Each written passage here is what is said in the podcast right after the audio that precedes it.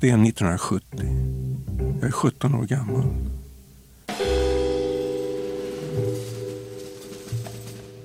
Jag står vid stranden och ser västerut. Orden ekar i mig. Go west young man and grow up with the country.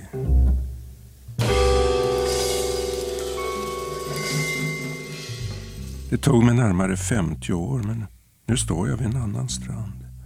Jag tittar fortfarande mot väster, bort. Men det är sent, alldeles för sent. Jag växte nog aldrig upp. Jag drömmer fortfarande om den där resan västerut. Och vid den strand jag nu står finns en öppning, en flyktväg. Under Golden Gate-bron, fram till den rand där världen kantrar och tar slut. Och sen bara vidare, ut. Ut i rymdhavet. Ut i ljudhavet. Du lyssnar på Anekdot Essä. Ljudvågor. Miles Davis, Grateful Dead och jazzrocken. Skriven och inläst av Ulf Olsson.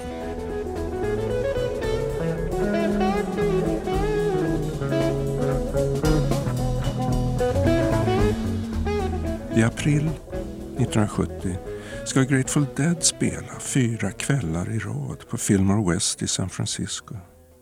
Det är inte första gången, men de här kvällarna är speciella. Ett av förbanden i Miles Davis Quintet.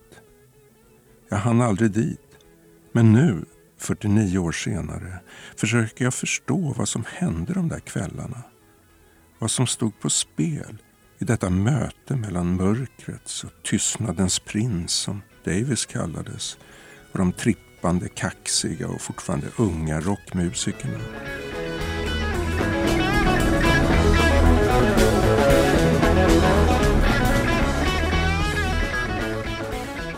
I slutet på 60 och början av 70-talet arrangerar promotorn Bill Graham flera konserter på Fillmore i San Francisco och Fillmore East i New York där han blandar stora jazznamn och de nya rockbanden. Det är en tid av experiment och expansion i rockmusiken. För ett tag tycktes den göra jazzen närmast obsolet. Men också i jazzen hände saker. Kanske var tiden nu åren kring 1970 inne för en korsbefruktning. I New York parade Graham samman The Fugs och Gary Burton Quartet, Spirit och Buddy Rich, Led Zeppelin och Woody Hermans storband, Santana och Razan Roland Kirk. Mest kända är nog konserterna 6-7 mars 1970 då Steve Miller Band och Neil Young and Crazy Horse delar scenen med Miles Davis. Davis berättar i sin självbiografi hur rasande han var särskilt över att behöva öppna för en oduglig non-playing motherfucker som Steve Miller.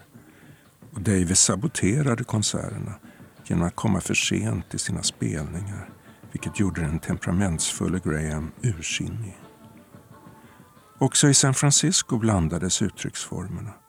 På Carousel Ballroom, som stället hette innan Graham tog över det, spelade några kvällar både Grateful Dead och The Preservation Hall Jazz Band. Thelonious Monk och Dr John en annan kväll. Under Grahams överseende spelade på Fillmore där Led Zeppelin, Razan Roland Kirk, Isaac Hayes och slutligen Stone the Crows, Grateful Dead och Miles Davis Quintet fyra kvällar i april 1970. Det var de konserterna jag var på väg till, men aldrig hann fram till. Nu försöker jag igen. Jag vill för allt i världen inte missa dem. This is. Come on up with us. Have a time. Denna korsbefruktning, om den nu verkligen kom att äga rum, började naturligtvis inte med de här konserterna.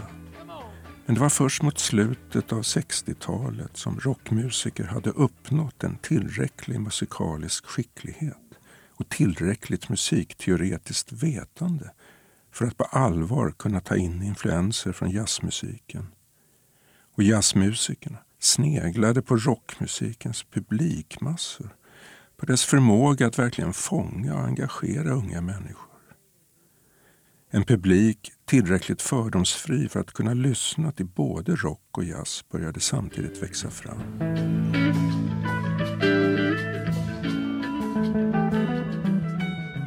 Det bandet, Grateful Dead, är den lokala nyckeln på rocksidan.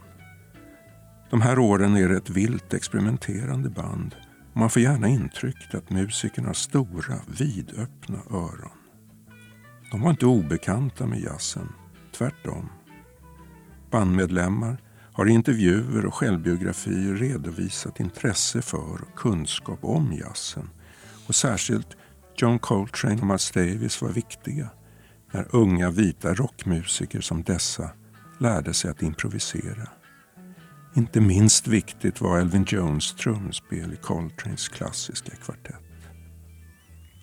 Och omvänt, Miles Davis kunde vara hård i sina omdömen om särskilt vita musiker. Roligast kanske domen över de klassiska musiker av Davis kallade robotar som engagerats till att spela på hans symfoniska album Sketches of Spain. De kunde inte improvisera sig ut ur en papperspåse ens, som han sa. Inte heller rockmusiken var mycket värd. Men några viktiga och inflytelserika undantag fanns för Davis. Jimi Hendrix, Sly Stone, afrikanska-amerikanska hippies. Öppningarna, förbindelserna fanns alltså där, eller åtminstone förberedda. Det var som om musiken väntade på att någon skulle komma och koppla ihop instrumenten, förstärkarna, spelsätten, förhållningssätten. Sätta igång maskinen.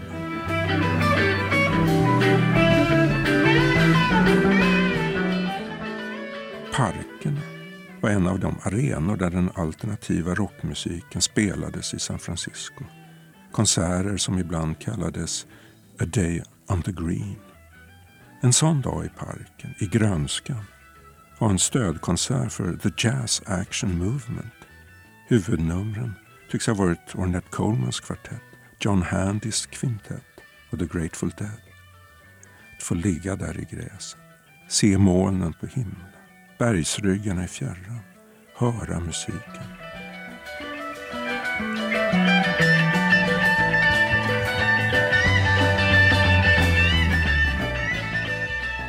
Det var långt ifrån första gången som Grateful Dead delade scen med jazzmusiker.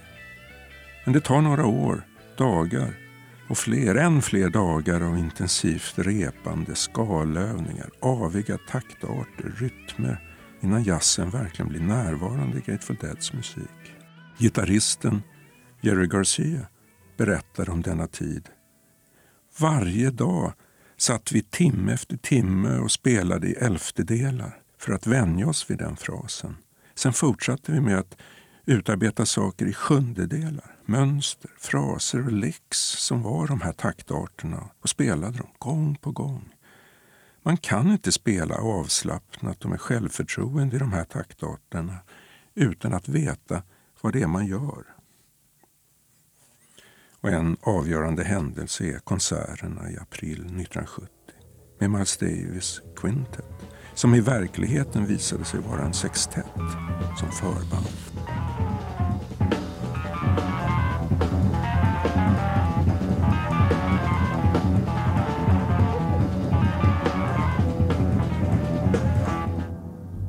Miles Davis kommer till Fillmore med ett nytt album i ryggen. Bitches Brew. Och detta är verkligen en häxbrygd.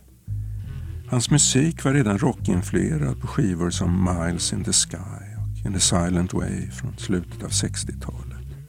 På Bitches Brew har den blivit rockmusik. Men som rockmusik oformlig, monstruös, lyrisk och aggressiv. En hårt pumpande rytm, ingen sång.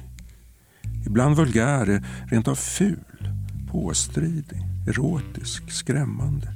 Så framstod den då. Det är musik som kräver. Jazzkritikerna ryggade ibland tillbaka. Många gillade inte elektrifieringen och att det var vita musiker. Men jämfört med vad som komma skulle är Bitches Brew nästan lyrisk. Och du trodde att hippiekulturen var snäll och romantiskt blomstrande. Glöm det. Vi sysslar med musik som undersöker nattsidan, baksidorna, mardrömmarna.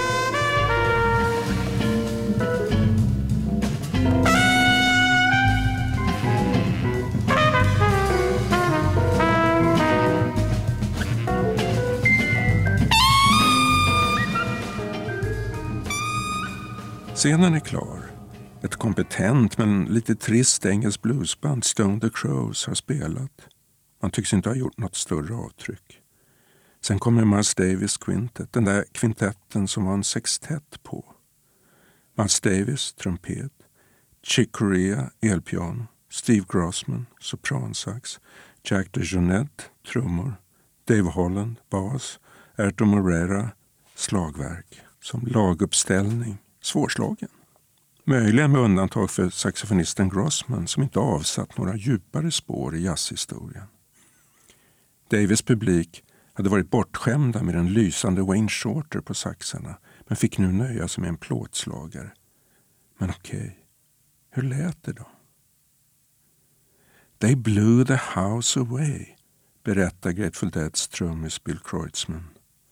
Vad skulle jag inte ge för att huka i den stormen? När jag lyssnar på den musik Miles Davis spelade måste jag fortfarande huka. En storm blåser verkligen genom den. Davis gav så småningom ut en av dessa konserter från april 1970 på skiva. Black Beauty. Det är den jag lyssnar på där på stranden. Denna attack som är Davis musik. Och den tonsätter flyktvägen. Vidare ut under bron och bort. Dave Holland, som skulle bli en av jazzens främsta basister, men då på ståbas, pumpar och rullar fram musiken på sin elbas. Runt den rör sig Dejonettes trumspel, på samma gång flexibelt och muskulöst, flankerat av Moreras slagverk, pockande, pratande, punkterande. Den här rytmsektionen kunde spela omkull vilken publik som helst. Men mest aktiv i bandet är Chick Corea på elpiano. Han är överallt. Förvränger ljudet, kräver, utmanar, duellerar med Davis trumpet. Han är faktiskt lysande. Grossman är nog bandets svaga punkt, men för den skull inte svag. Han gör jobbet, men lyfter inte musiken. Hans ton är lite snål. Miles Davis själv är sparsmakad dirigerar bandet, håller musiken koncentrerad. Han spelar fortfarande trumpeten utan ljudförvrängande pedaler. Ser till att låtarna går in i varandra utan pauser, utan applåder och applådtack. Tillsammantaget är det verkligen en attack, ett överfall. En musik av en nästan skrämmande intensitet och auktoritet. Men också med gläntor av skönhet. Musiken blir också sakta allt mer av jazz, så som Davis spelat den tidigare. Musikerna lyssnar faktiskt till varandra, trots oväsendet, ljudvolymen. Och man improviserar, en i taget eller alla tillsammans. Som Davis sa om inspelningen av Bitches Brew. Jag visste att det jag ville ha skulle uppstå ur en skapelseprocess och inte ur någon skit som arrangerats i förväg. Den här inspelningen handlade om improvisation och det är den som gör jazzen så fantastisk. Och än tydligare blir musikens kollektiva karaktär på Black Beauty.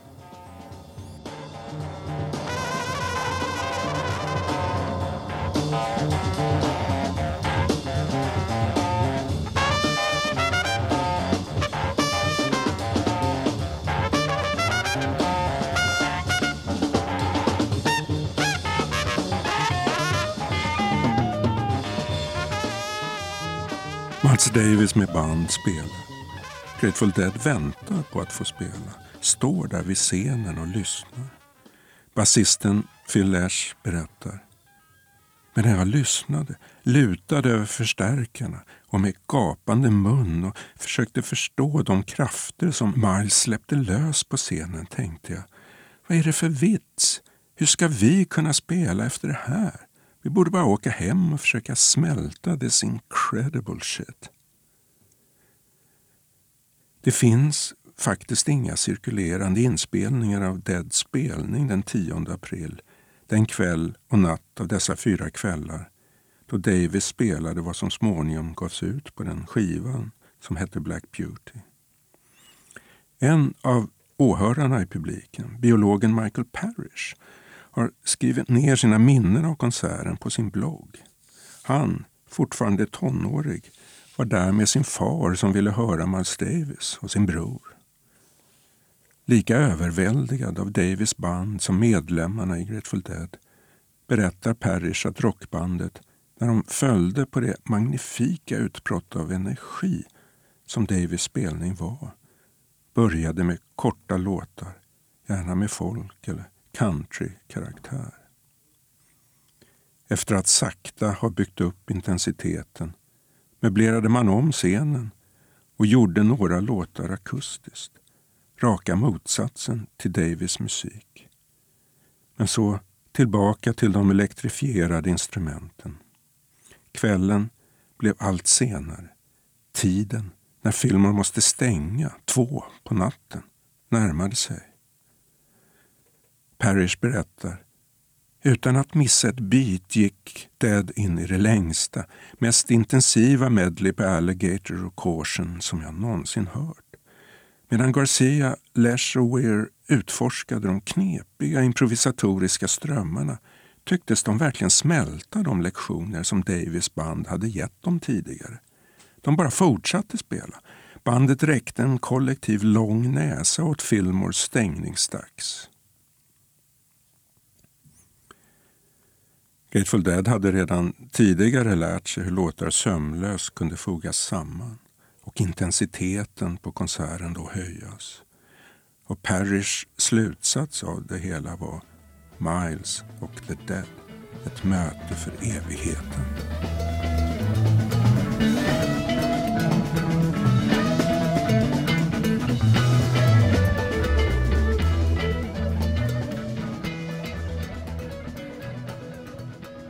Också för Miles Davis var spelningarna viktiga.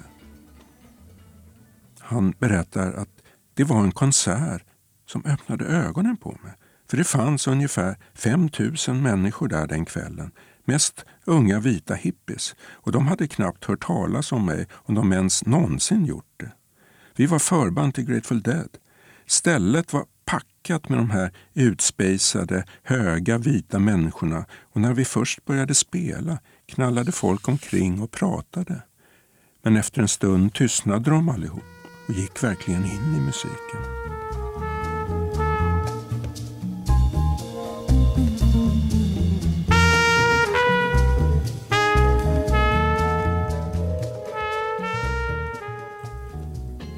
Miles Davis elektriska musik omfattar i dess första fas åren mellan 1968 och mitten av 70-talet från Miles in the Sky till Get Up With It, skivan med den 20 minuter långa vackra hyllningen till den avlidne Duke Ellington.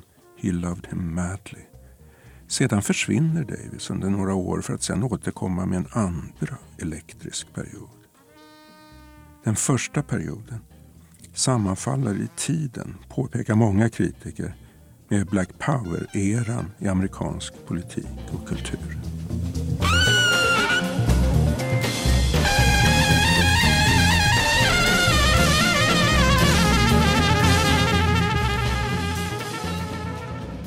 Miles Davis var en radikal, inte bara i musiken. Men han möttes av en kritik för att ha sålt sig.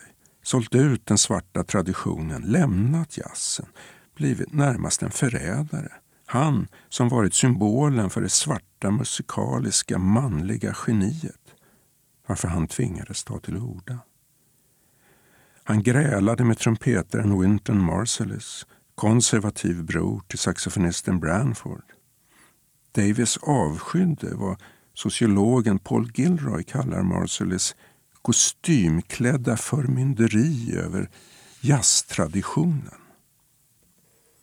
Eller som Miles Davis själv uttryckte det. Jazzen är död för Guds skull. Så är det. Finito. Det är över. och det finns ingen poäng i att efterapa den. För det var vad Winton Marsalis gjorde enligt Davis. Han bara härmade traditionen men fastnade då i pastischer. Davis utsattes för en moraliserande kritik. Men den kritiken borde nog ta lärdom av Paul Gilroys påpekande att de förskjutningar och förvandlingar som hyllas i Davis musik efter In a silent way är oundvikliga och att de utvecklingsprocesser som av de konservativa ses som förgiftning faktiskt kan vara berikande eller förstärkande. Replikväxlingen mellan Winton Marsalis och Miles Davis blir ett led i Gilroys utarbetande av sitt begrepp om the black Atlantic som han definierar som de stereofoniska, flerspråkiga eller bifokala kulturella former som skapats av, men inte längre tillhör enbart svarta, utspridda inom kännandets, producerandets, kommunicerandets och minnandets strukturer.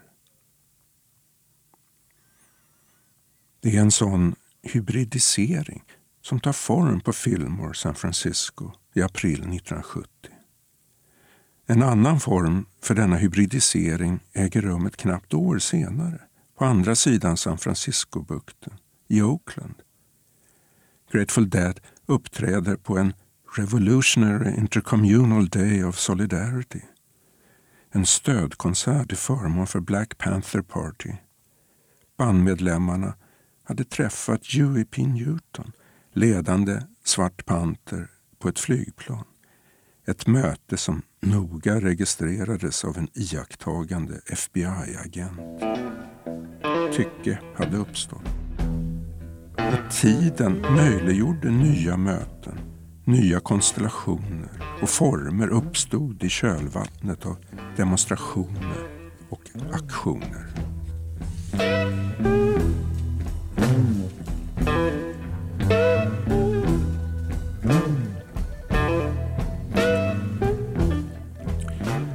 Trådar kan dras, linjer läggas ut, namn på namn läggas till. Musiken, den som vägrar att verka i svartvit och absolutism, visar sig inrymma ständigt nya kombinationer och därmed möjligheter. Både Miles Davis och Grateful Dead når under första halvan av 70-talet nya konstnärliga höjdpunkter när de blandar och ger. Och samtidigt står de för och garanterar musikens integritet, gör den till något eget och delar den faktiskt med en masspublik. Som historikern Eric Porter uttrycker det. Davis elektriska musik talar om möjligheten att förena två mått för legitimitet vilka formar en samhälleligt relevant musik. Konstnärlig integritet och folkligt tilltal. Det senare kanske förenligt med men inte nödvändigtvis detsamma som det marknaden begär. Man kan låta den beskrivningen gälla också för Grateful Dead.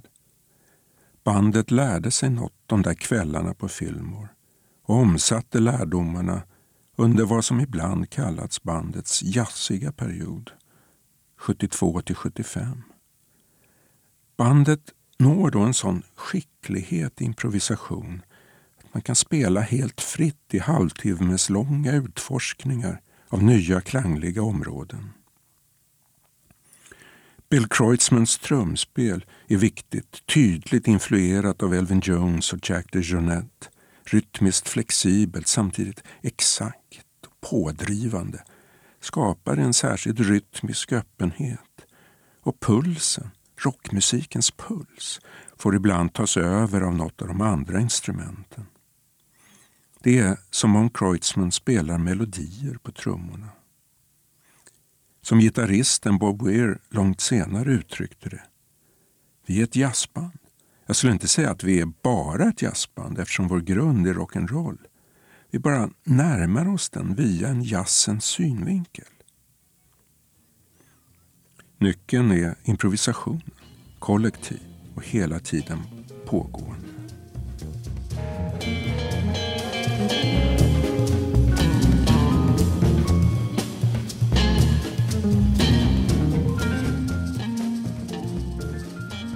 Under några år kanske både jazzmusiker som Miles Davis och rockmusiker som Grateful Dead vistas i ett slags inre exil belägen i mörkrets hjärta de försöker skapa sig identiteter eller åtminstone positioner utanför samtidigt som de har feta kontrakt med stora skivbolag. De samarbetar ibland och motvilligt med Bill Graham, han som blivit skurken i det drama som gjorde rockmusik till big business.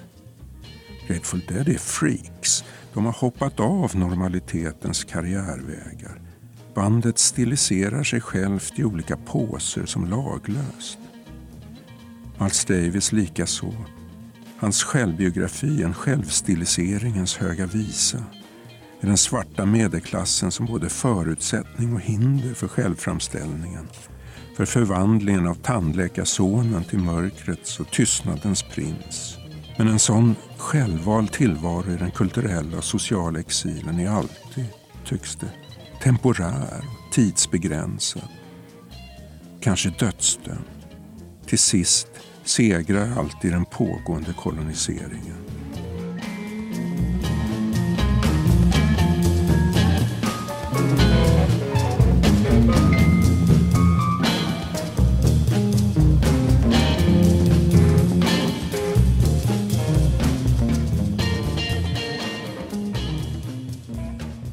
Jerry Garcia och de övriga medlemmarna av Grateful Dead älskade jazz och var passande ödmjuka inför mötet med Davis musik. Men exempelvis Garcia var inte okritisk till den musik som kom fram i spåren av Davis band. Det som ibland kallas jazzrock eller fusion. Det är en sorts musikskolemusik, sa Garcia. Bästa sortens musikskolemusik. Hela den generationen av musiker, Weather Report, Return to Forever, Al Di Meola, har alla väldigt rigida strukturer för solorna. Det var uppenbarligen inte dit Grateful Dead ville ta sina lärdomar av Miles Davis. Jazzrocken hade inget att säga och den byggde inte på att alla improviserade samtidigt. Men vart jag tror att de hörde i Davis musik vad han själv hörde när han gjorde Bitches Brew. Det var lösligt och stramt på samma gång. Det var avspänt men alert. Var och en var vaken för de möjligheter som dök upp i musiken, sa Davis. Och bandet som spelade hans musik blev till en kollektiv kropp. Med Davis som dess hjärna, rytmsektionen som dess hjärta.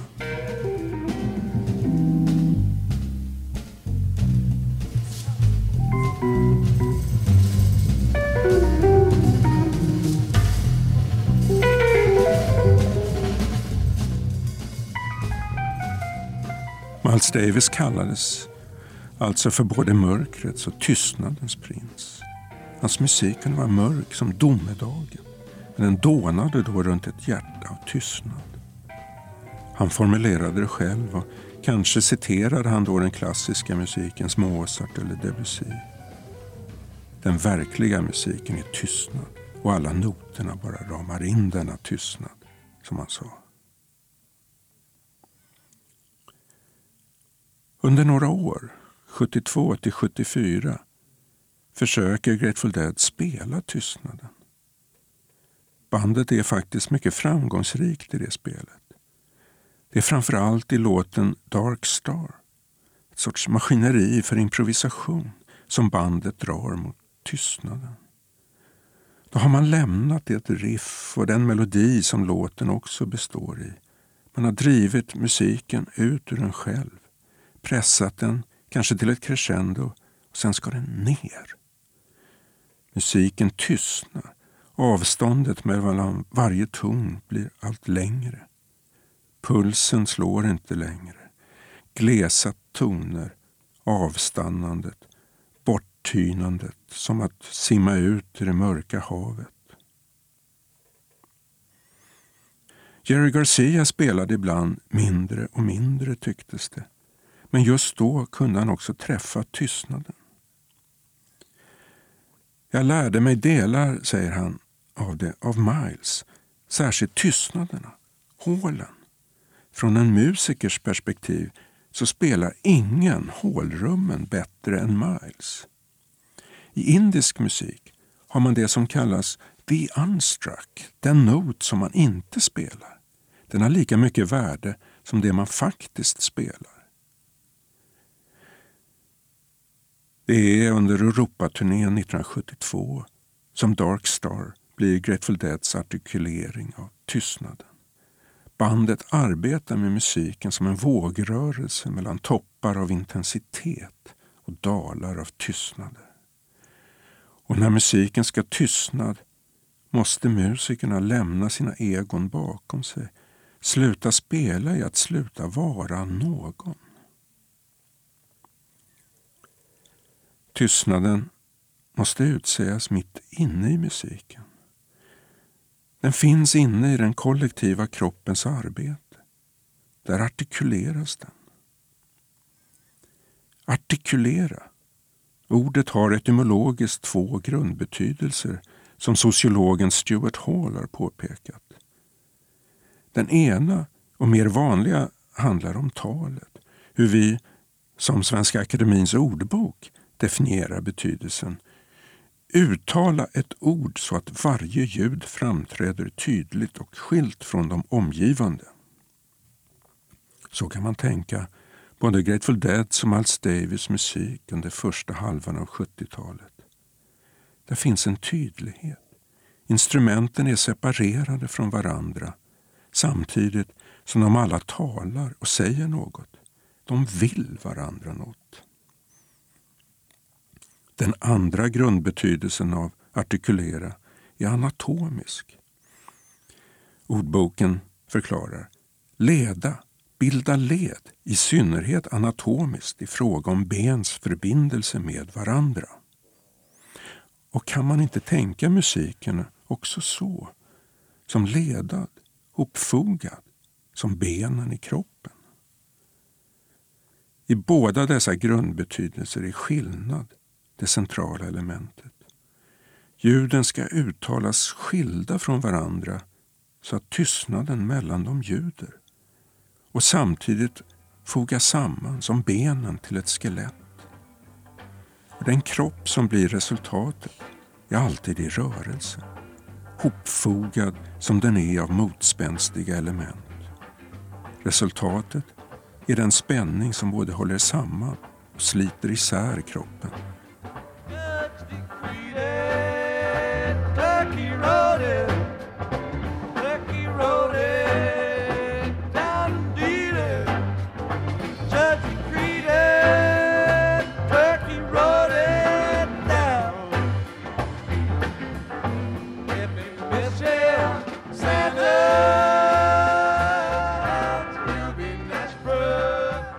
Under fyra kvällar i april 1970 sker en intensiv trafik mellan svart och vitt, mellan jazz och rock.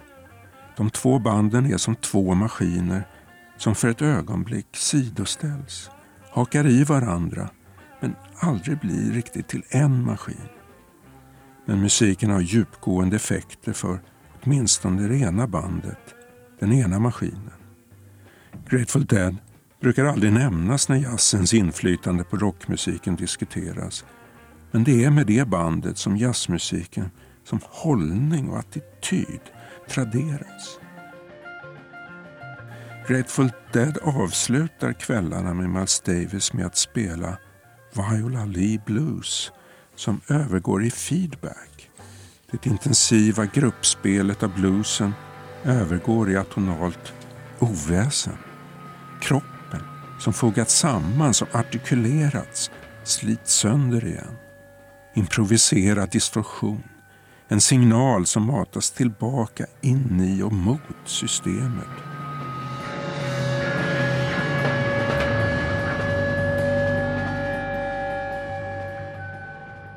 Och så en lågmäld, nästan tyst puls. Som vågornas slag mot stranden.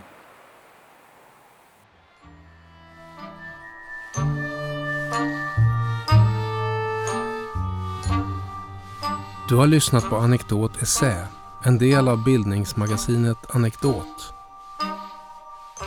Musik Oskar Schönning. Regi Lars Indebeto. Producent Magnus Bremmer. Texten lästes in på Northgate Studios vid Berkeley Graduate School of Journalism, Kalifornien. Inspelningstekniker var Carla Williams. Fler essäer, poddar och filmer hittar du på anekdot.se.